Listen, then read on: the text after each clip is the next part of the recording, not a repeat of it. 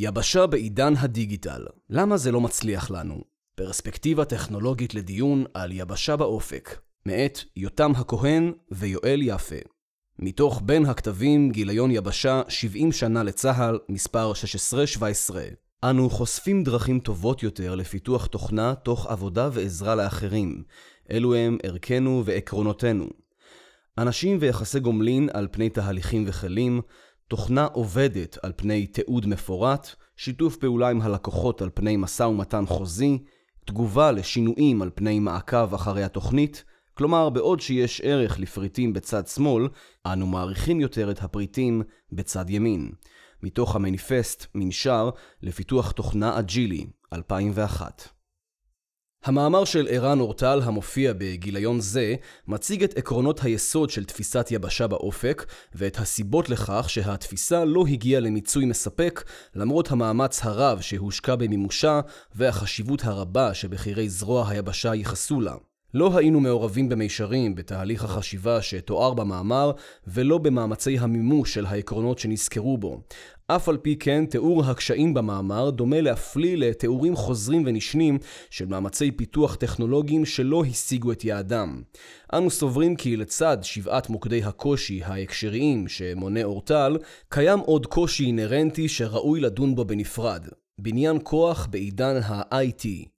הניסיון שנצבר בעשורים האחרונים ביחס לפיתוח תוכנה ומערכות טכנולוגיות מבוזרות חיוני כדי להבין את ההקשר הרחב יותר שבתוכו נטועים חלק מן הקשיים המתוארים. מתוך דיון זה ניתן לדון בהתאמת הניסיון הטכנולוגי האזרחי לצרכים ולצורת הארגון הצבאית לטובת פיתוח תפיסת בניין כוח טכנולוגית רלוונטית יותר שתאפשר את פריצת הדרך מול אתגרי היבשה בעת הנוכחית. על אתגרי היבשה יחסי הגומלין של צבאות עם הטכנולוגיה האזרחית הם מורכבים מטבעם. לא פעם הצבאות נבנים בד בבד עם טכנולוגיה מתהווה, אך לא פעם הם מתקשים לעמוד בקצב הפיתוח האזרחי. עם זאת, יש לציין כי במהלך המאה ה-20 הממסדים הביטחוניים הובילו לא פעם את ההתפתחויות הטכנולוגיות המשמעותיות ביותר. כך למשל בתחום הפלטפורמות האוויריות, בשימוש יישומי בלוויינות, בפיתוח אמצעי תקשורת וכינון מסד לרשת האינטרנט, ובכוח החישוב שעלה בכוחו וקטן בגודלו.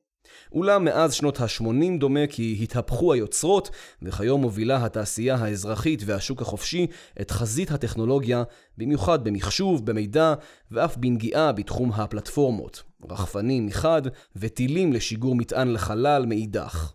על רקע השינויים המואצים בזירה הטכנולוגית מאז שנות התשעים מנסים צבאות היבשה בעולם לאמץ את היכולות הדיגיטליות ולרתום אותן לצורך שינוי עמוק בצורת הלחימה.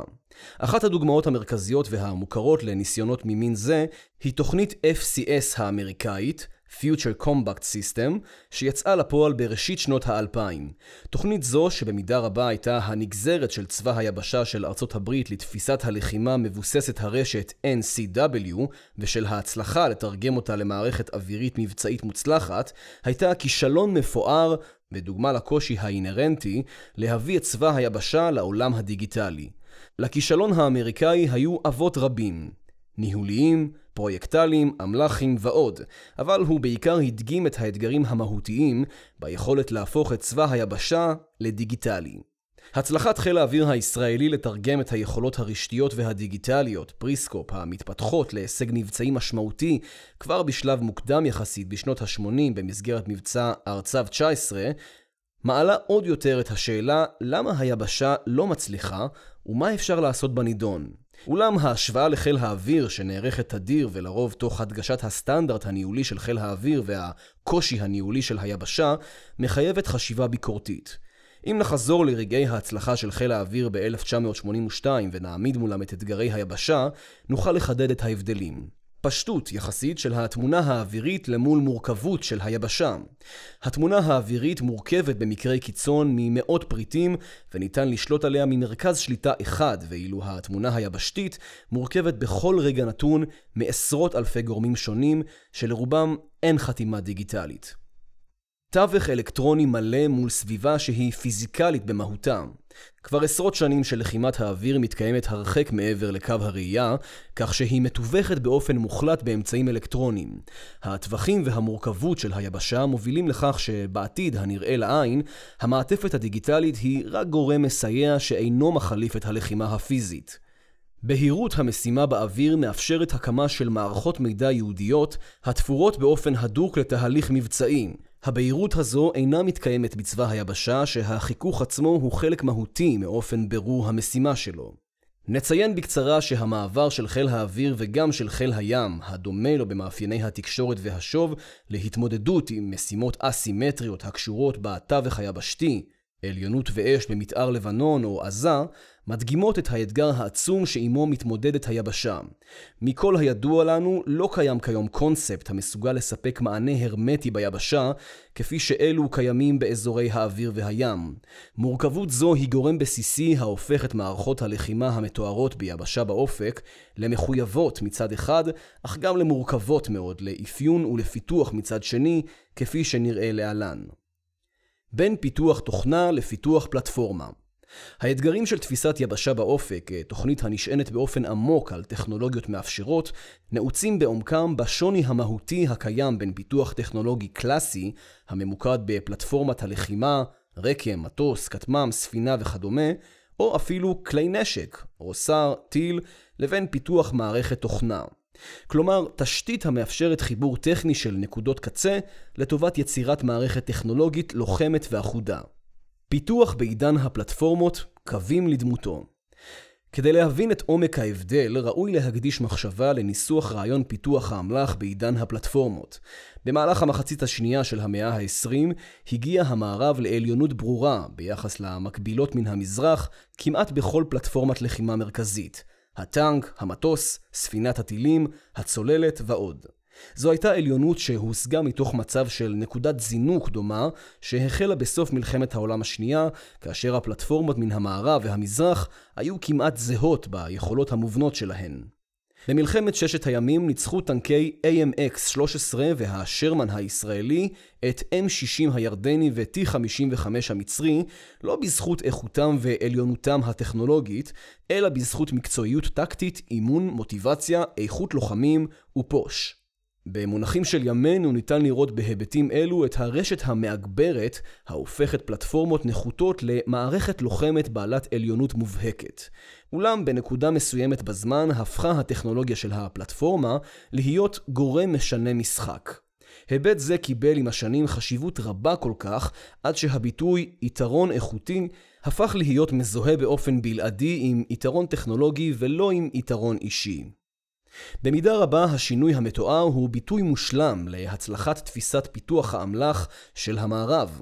המאמץ המתמשך של תעשיות הנשק במערב הגיע לקו פרשת מים סביב שנות ה-70 של המאה ה-20 עם עליית המרכזיות של החימוש המדויק.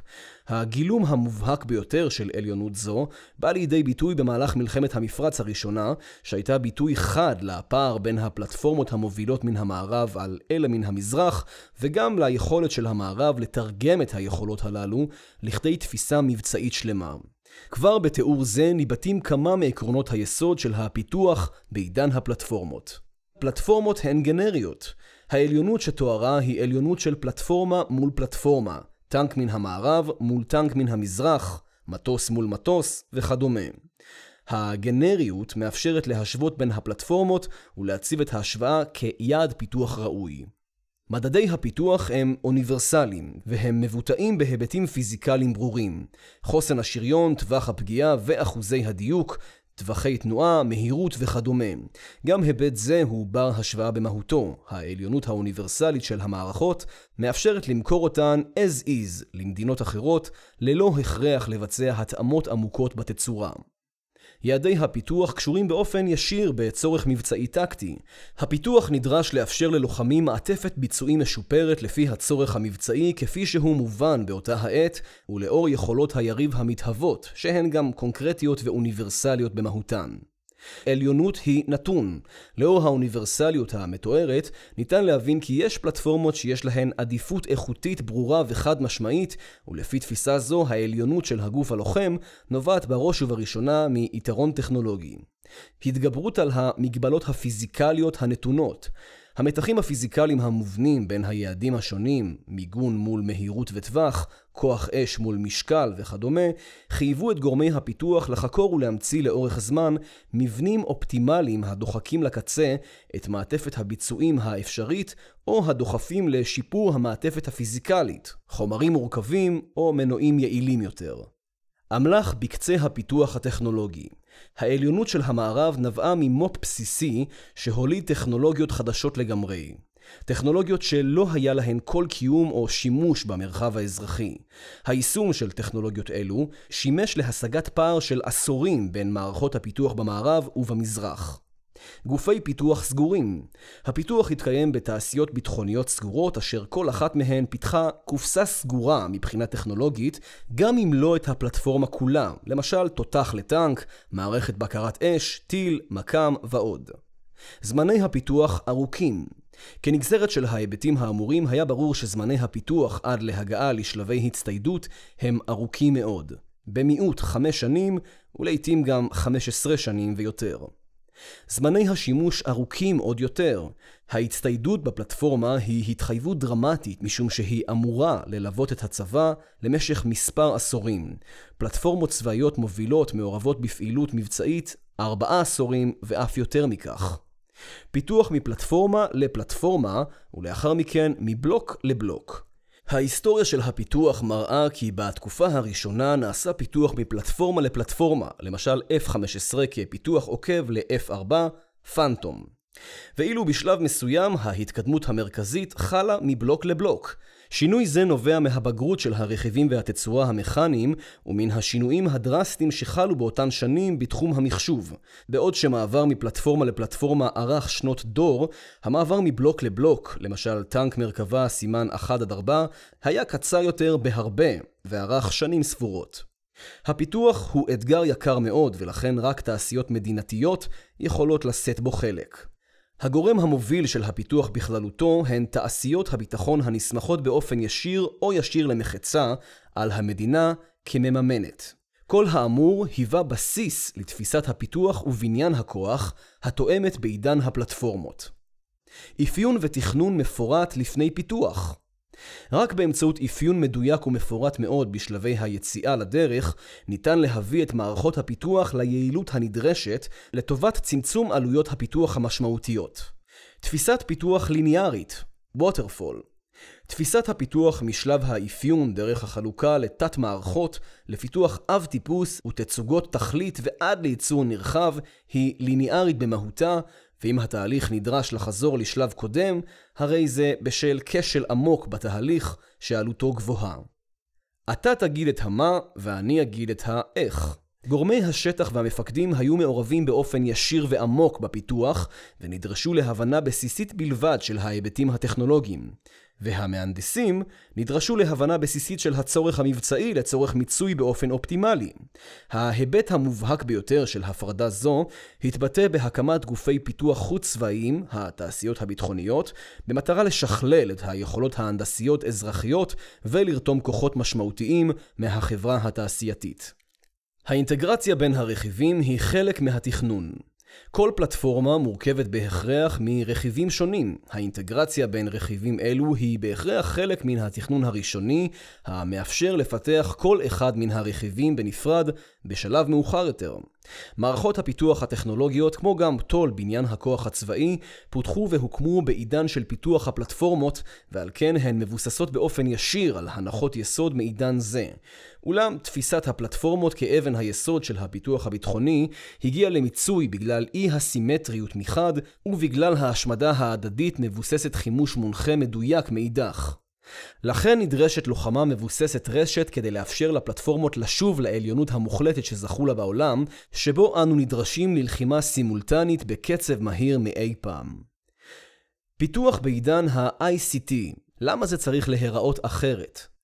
כפי שמיטיב לציין אורטל, המהפכות התעשייתיות אינן מבטלות את קודמותיהן, וגם במעבר לפיתוח בעידן ה-IT יש חשיבות רבה להמשך פיתוח בתחום הפלטפורמות. אלא שרוב הפיתוח הנדרש בהיבטי יבשה באופק אינו נוגע לפיתוח פלטפורמות כאלו ואחרות, בשונה מה-FCS, אלא לכינון מערכת לחימה שלמה מבוססת ICT. אנו נוקטים בראשי התיבות ICT, Information and Communication Technology, כמבטא האתגר המרכזי של הפיתוח בעידן הנוכחי. איסוף, ניתוח, ארגון מידע והנגשתו באופן רלוונטי בתוך הרשת. על כן ראוי להבין את הבדלי העומק בין פיתוח של פלטפורמות לבין פיתוח מערכות בעידן החדש. הבנות היסוד המגולמות בפיתוח הטכנולוגי ביבשה באופק, המבקש לממש את רעיונות הלוחמם והאינטרנט המבצעי, תפיסת האש החדשה וכן רעיונות חופת אתר, היא חתירה לקונקרטיזציה של הרעיונות הכלליים, עדיין של המהפכה התעשייתית הרביעית, ובכלל זאת רעיון ה-IoT, האינטרנט של הדברים. כל ההיבטים הללו אינם עוסקים בשיפור הפלטפורמות, אלא בשכבה נוספת, רשתית, שתשנה מהותית את תצורת הלחימה, גם ללא החלפה בהכרח של הפלטפורמות הקיימות, לפחות לא בשלבים הראשונים. עוד לפני שניכנס לדיון בסעיפי הדברים, יש כאן בהכרח אתגר שהוא חדש ואחר מליבת הפיתוח הביטחוני עד כה, וברור כי יש לגשת אליו באופן אחר. אם מפרקים את האתגר המתואר למרכיביו הבסיסיים תוך הבנת ההישגים שכבר מומשו בעידן הפיתוח הקודם, למשל בתחום הסנסורים או בתחום החימוש מונחה מדויק, נראה כי אפשר להגדיר אותו דרך שני אתגרים שונים שפתרונם הכרחי לטובת התקדמות במימוש התפיסות. אתגר הרישות היכולת לפרוס אינטרנט מבצעי בפס רחב עבור גופים שהם דינמיים במהותם, תמרון, היא אתגר טכנולוגי פיזיקלי שיש שטוענים שאינו ניתן לפתרון מלא בטכנולוגיות הקיימות כיום. אנו נתייחס להלן למרכיב זה באופן מצומצם. אתגר המערכת, גם אם תהיה הצלחה בפריסת הרשת התומכת בהספקים הרצויים, היישומיות של הרשת מחייבת פיתוח ברמת התוכנה המאפשר את החיבור בין המרכיבים השונים בזמן אמת בצורה יעילה ואפקטיבית. להבנתנו, התחום של פיתוח אמל"ח מבוסס תוכנה הוא נושא תפיסתי עיקרי, שבו נעסוק באופן נרחב בהמשך הדברים. המעבר מפיתוח פלטפורמה שבמסגרתו החומרה היא ליבת הפיתוח ואילו התוכנה היא היבט מלווה לפיתוח מערכת רשתית, הופך את התוכנה לרכיב פיתוח עיקרי המאפשר, המשלים והממצה את התקשורת הרשתית שהיא בגדר חומרה עבור המערכת. הצבאות חווים את המעבר מפיתוח מבוסס חומרה לפיתוח מבוסס תוכנה באיחור של עשור וחצי ממגוון סיבות שהראשית שבהן היא שעדיין לא ניתן לנצח מלחמות עם תוכנה בלבד, על אף עידן הסבר. אם מונים את הייחודיות של פיתוח מערכות ICT בסדר הגדול הנידון לשימוש צבאי, יש להתייחס הן להיבטים הגנריים הנובעים מן המעבר לתצורה מבוססת תוכנה, והן למאפיינים הייחודיים של מערכת לחימה. ההיבטים הנובעים מן המעבר לפיתוח תוכנה. בהיעדר מגבלות פיזיקליות אפשר לפתח כמעט הכל. המערכות הנחוצות לתהליכים בחופת אתר נמצאות הרבה מתחת לתקרת הזכוכית החומרתית והפיזיקלית של יכולות המחשוב היום. מגוון רחב וזמין הרבה יותר של טכנולוגיות, תפיסות עיצוביות וממשק משתמש. נסו לדמיין מערכת מידע המקבלת מידע מסוגים שונים של סנסורים, מאבדת אותו ומתיחה אותו לתוצר המאפשר קבלת החלטות או אף סגירת מעגל אוטומטית בזמן אמת. כמות הטכנולוגיות שבהן ניתן להשתמש לטובת מימוש כל מרכיב טכנולוגי בתוכנה זו הוא עצום, וההבדלים בין הטכנולוגיות השונות אינם בהירים בשלבי היציאה לדרך, אם קיימים בכלל. מנגד, שינויים לא גדולים בתפיסת העיצוב וממשק המשתמש עשויים לייצר הבדלים דרמטיים בשימושיות של תוכנות שונות. היעדר החשיבות של הממדים האוניברסליים הממדים האוניברסליים בתחום התוכנה, מהירות חישוב, כמות פריטים שניתן לקבל ולאבד בו זמנית ועוד, אינם רלוונטיים לאפקטיביות של תוכנה. קשה מאוד להשוות בין שתי תוכנות שונות העושות פעולה דומה. הפער בין האפשרויות האינסופיות והקוגניציה המוגבלת. השחרור מהמגבלות הפיזיקליות מחדד את מגבלות הקוגניציה האנושית. אנו מסוגלים לפתח כמעט הכל, אך מתקשים להגות ולחשוב על הכל.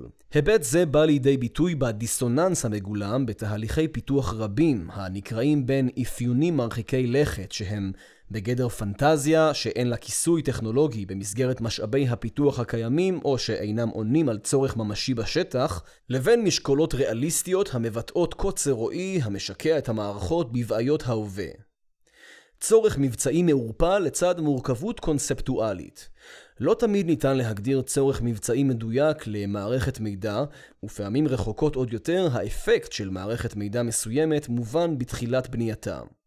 אתגר האפיון בפרויקטי תוכנה פרויקטי תוכנה רבים נעים בין הרצון והדרישה לאפיון מלא ומפורט, עד כדי אלפי עמודים, לבין העובדה שאפיון כזה אינו בהכרח תנאי להצלחה, ולעיתים הוא אף מוביל לכישלון הפרויקט. האתגר הגדול ביותר בפיתוח מערכת תוכנה בסדר הגודל הנידון הוא הבנה משותפת, ומסמך מפורט וחתום איננו הכלי היעיל ביותר לבניית ההבנה המשותפת הזו. האינטגרציה בין הרכיבים מתקיימת בסוף התהליך. קשה מאוד לתכנן אינטגרציה בין חלקי תוכנה שונים. בהיעדר היערכות נכונה שאינה רק עוד שלב בלוח הזמנים של הפרויקט, שלב האינטגרציה הופך להיות ארוך, קשה ומסורבל, לעתים ברמה המסכנת את הצלחת הפרויקט כולו. כאשר מדובר באינטגרציה עם מערכות ישנות, לגאסי, אזי רמת הסיבוכיות עולה עוד יותר. כך באחת המערכות הזרועיות המרכזיות, המקושרת לאינסוף מערכות וממשקים, אורך מחזור הפיתוח שנה. שלושה חודשי פיתוח ותשעה חודשי אינטגרציה. אמנם ישנן דרכים שונות לפשט את התהליך הזה, תקנים, ארכיטקטורה, ניהול וכדומה, אך עדיין מדובר באתגר מרכזי. גמדים על כתפי גמדים. כל פיתוח תוכנה מתבסס על תשתיות תוכנה קודמות. גוף פיתוח שאינו מתעדכן בפיתוח התדיר, דן עצמו לקיבעון טכנולוגי וגורם לעלייה משמעותית בעלויות הפיתוח בשל היעדר מיצוי של רכיבים קיימים. זמני פיתוח קצרים ושינויים טכנולוגיים תכופים במהלך הפרויקט. קבועי הזמן בפיתוח תוכנה קצרים יותר בהרבה ביחס לפרויקט טכנולוגי של חומרה. פיתוח של מערכת בינונית ממוצעת, כולל שלב אפיון, אורך כשנתיים-שלוש. אולם ברוב התחומים אנו יכולים להניח מראש שבמהלך התקופה הזאת תהיה התפתחות טכנולוגית משמעותית העשויה להשפיע על האפיון ואולי אף על הבנה מחודשת של הדרישה המבצעית. זמני שימוש קצרים. בעידן הנוכחי נבנות רוב מערכות המידע לצורך שימוש של שנים בודדות, ומתוך הנחה כי הטכנולוגיה והשינוי בצרכים יגרמו לצורך בהחלפתן. עיסוק גובר בתחום של חוויית משתמש וממשק משתמש, UI, UX. בעוד שתחום זה נתפס בעולם הפלטפורמה כסוגיה משנית, הרי שבעולם התוכנה הוא משמעותי יותר בהרבה, ולפעמים הוא ההבדל בין מערכת טובה למערכת גרועה. הפרדוקס של עלויות פיתוח התוכנה. תוכנה היא מוצר זול מאוד ויקר מאוד בו זמנית. זול, תוכנה מחייבת מעט מאוד תשתיות פיזיות וחומרי גלם יקרים. ניתן לשכפל אותה ללא עלות, ומחירי החומרה התומכת נמצאים בירידה מתמדת. יקר, פיתוח תוכנה מחייב מיצוי של מספר רב של שנות אדם מיומן, ואם נעשה פיתוח מאפס, מדובר בתהליכים מורכבים מאוד המאופיינים באי ודאות גבוהה, הבאה לידי ביטוי ברכיב התמחור. מוצרי תוכנה אף פעם לא גמורים. עולם התוכנה מבוסס על כך שלא חייבים לחכות לגרסה סגורה ומהודקת, וניתן לעלות עם גרסה חלקית ולהוסיף לה או לשנות אחר כך עוד יכולות ותכולות. הפער, היעדר תפיסת פיתוח תוכנה רשתית ביבשה. אם מתבוננים על הפער המתואר, מובן למה פיתוח המערכת הוא אתגר מורכב כל כך. גופי בניין הכוח ניצבים שוב בחזית הפיתוח הטכנולוגי, אולם עתה ליבת האתגר אינה במו"פ הטכנולוגי הבסיסי, אלא בפיתוח הקונספט וביישומו. הפיתוח נדרש להיבחן לא ביכולת המדף שלו, אלא בשימושיות והאפקטיביות המערכתית שהוא מאפשר. כדי לעשות כן, נדרשים גופי הפיתוח לגבש תפיסת פיתוח המותאמת לעידן הלחימה הרביעי.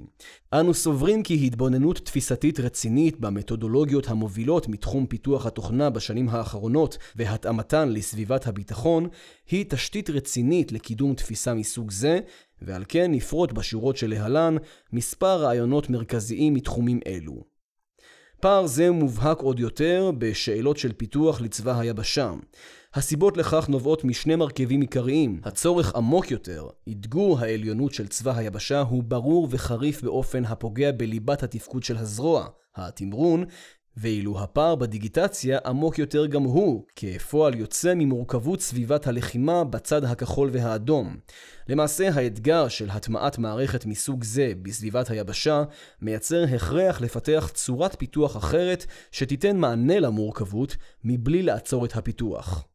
מ Waterfall ל Agile אחד השינויים הגדולים שעבר עולם התוכנה בעשור האחרון הוא ההבנה ששיטת הניהול הפרויקטלית הקלאסית, Waterfall, מובילה לא אחת לכשלים עמוקים בתהליך הפיתוח, כאשר מחילים אותה על פרויקטי תוכנה. הפרויקטים שהביאו לידי ביטוי את בעיית שיטת המפלים באופן החריף ביותר, הם פרויקטים ממשלתיים שהושקע בהם מראש סכום כסף נכבד. כך למשל, סקירה של פרויקטי תוכנה גדולים שניהלה ממשלת ישראל בשנות האלפיים, הציגה אחוזי כישלון גבוהים מאוד, חוסר הבנה והלימה בין הדרישות לפיתוח, עיכובים בלוז וחריגה משמעותית מהעלות המוערכת. ניסיון נוסף לתכנן את המערכת של כל המערכות בפרויקט המחשוב של הביטוח הלאומי הגיע גם הוא לאחרונה לידי סגירה וסיום כושל, וגם הצבא חווה מספר לא זעום של כישלונות מן הסוג הזה. התיאור שנערך בתחילת המאמר אודות מאפייני הפיתוח בעידן התוכנה מבהיר מדוע תכנון מפלי הוא גישה בעייתית ביותר כאשר עוסקים בפרויקטי תוכנה. 1. רכיב אי הוודאות. אנחנו לא באמת יודעים בתחילת הדרך את כלל מאפייני המערכת, ואם אנחנו מנסים לאפיינם באופן חלוט, אנו נוטים ליפול לדיסוננס של תכנון יתר המקדם פיצ'רים שוליים על פני שימושיות ואפקטיביות.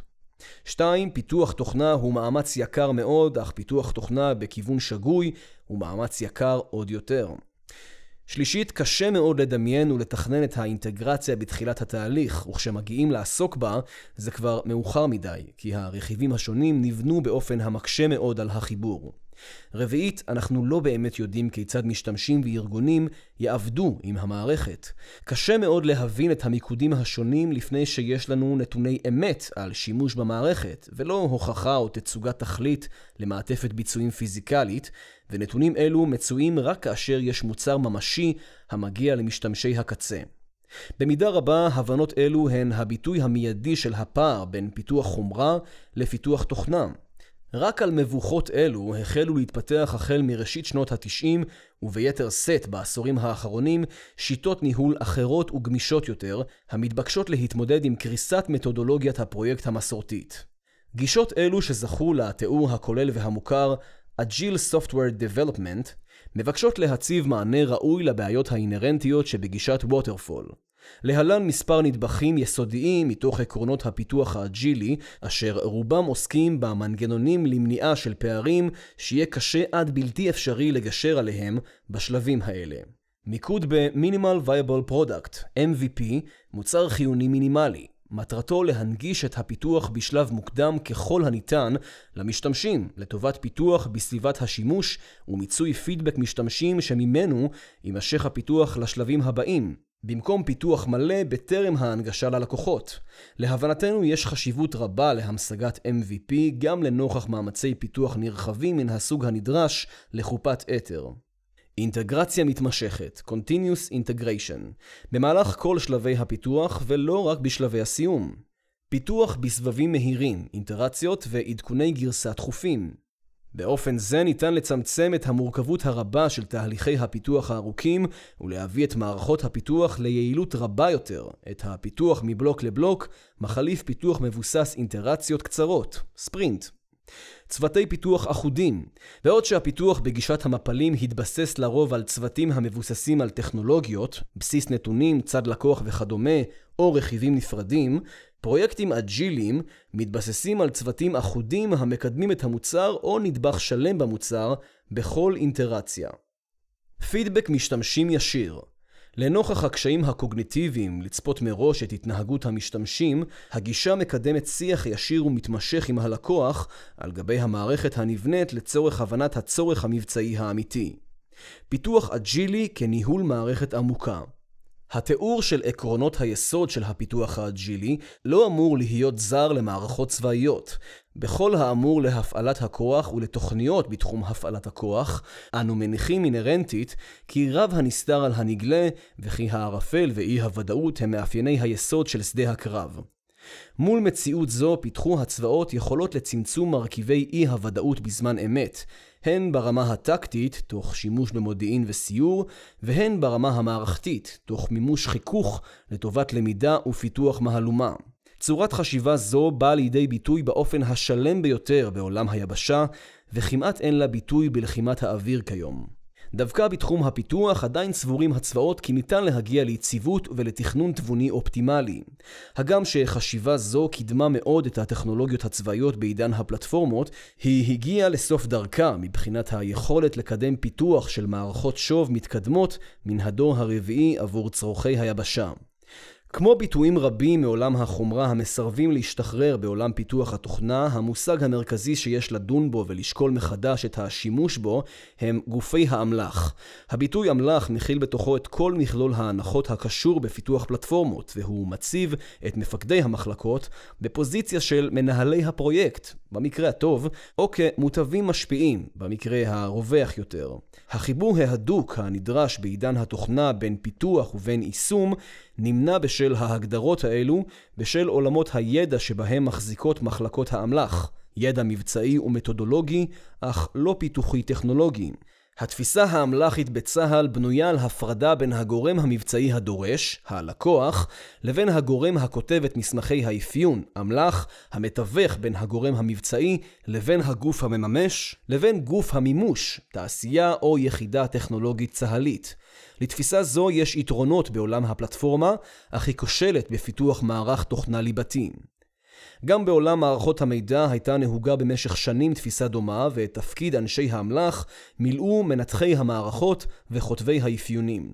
אלו ישבו עם הלקוחות המבצעיים וכתבו ספרי אפיון עבים בני אלפי עמודים, שנועדו להבהיר למתכנתים מה הם אמורים לעשות. גישה זו מוחלפת בשנים האחרונות בתהליכים דינמיים ואחודים המובלים על ידי מנהל מוצר. מחלקת מוצר כמערכתן של בניין הכוח. את ההגדרה של מחלקות האמל"ח היינו מבקשים להתיך עם הרעיון של מנהל מוצר, Product. מנהל המוצר הוא גורם מאמצע קריטי בהצלחה של חברות שהצלחתן מבוססת פיתוח, והוא נדרש להימצא בתווך שבין יכולות הפיתוח הקיימות במערכת, המה והאיך, משאבים ויכולות טכנולוגיות, מה אפשר לפתח, הערכת זמנים, היכרות עם פיתוח דומה בעבר וטכנולוגיות קיימות בעולם, לבין היעדים האסטרטגיים של החברה, לשם מה, ובין דרישות הלקוח והמשתמשים, עבור מי. לאלו ניתן להוסיף רגל נוספת העוסקת במאפייני סביבת השוק, שאותם הוא נדרש להכיר, או במאפייני המערכת היריבה בהקשר הביטחוני. האימצוע הוא אירוע מתמשך שבמסגרתו מקבל המוצר את הצורה הנדרשת לו. בתהליך מתוך הצורה המתהווה משתנים בהכרח גם היעדים האסטרטגיים ולעיתים משתנה גם השוק עצמו, חינוך שוק. מתוך הבנה שהיכולות הטכנולוגיות עצמן מצויות בשינוי תדיר, ברור שמנהל המוצר הוא פונקציה קריטית להצלחה של פרויקטים בעלי עוגן פיתוח מרכזי.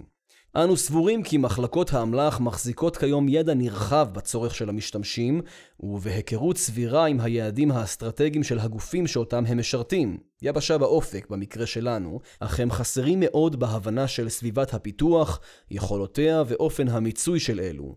יתרה מכך, כל תהליך ייצור המוצר אינו מתקיים במחלקות האמל"ח, אלא בגופי פיתוח חיצוניים, משל היה מוצר סגור. מאחר והאתגר המרכזי הוא פיצוח וגיבוש תפיסת הלחימה המתקיימת בהלימה על מערכת טכנולוגית תומכת, היא לא יכולה להיות מפותחת באופן חיצוני על בסיס אפיון בפרויקט מפלי.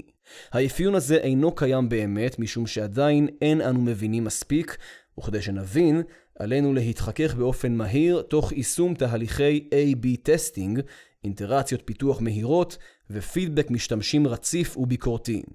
כלומר, בעוד שתפיסת הפיתוח החיצונית הייתה מספקת בעידן של פיתוח פלטפורמות, היא לא יכולה להתקיים באופן ראוי, שעה שהמערכת צריכה לגבש בעצמה את המשמעויות של הלחימה בעידן הרשתי, בטח לאור כל האתגרים הספציפיים של היבשה, כפי שתוארו לעיל. המסמך של יבשה באופק, מפורט ככל שיהיה, לא יכול להיות יותר מאשר הצבת יעדים אסטרטגיים עבור תהליכי הפיתוח. כדי שאלו יהפכו למציאות, יש צורך במגוון רב ומורכב של תהליכים תומכים. הפיתוח עצמו דוחק בחלקו את מעטפת הטכנולוגיה המוכרת, ואילו בחלקו האחר הוא חותר למימוש נאות של טכנולוגיות קיימות בתוך המערכת הצבאית. אם הפיתוח של כל רכיב במכלול של יבשה באופק מגלם אי ודאות מרמות שונות, הרי שאופן השימוש של הצבא ביכולות אלו הוא עלום עוד יותר. וזו השאלה המרכזית. רק חיכוך עמוק ומתמשך של השטח עם היכולות בפיתוח, יוביל ליצירת מערכות רלוונטיות שישרתו את המטרות שלשמן פותחו. את האינטראציות התכופות הנדרשות בפיתוח מערכות בסדר הגודל שעליהן דובר ביבשה באופק, ניתן בהחלט לכנות כמערכה המגלמת רמות אי-ודאות עמוקות כמעט כמו מערכת לחימה. מהו ה-MVP של חופת אתר? מיהו מנהל המוצר שלו, והאם הוא יכול להיות איש עולם הפלטפורמות הקלאסי? מהן האינטראציות המרכזיות בתהליך הפיתוח, ואיך אנו מייצרים את החיכוך הנדרש ללמידה?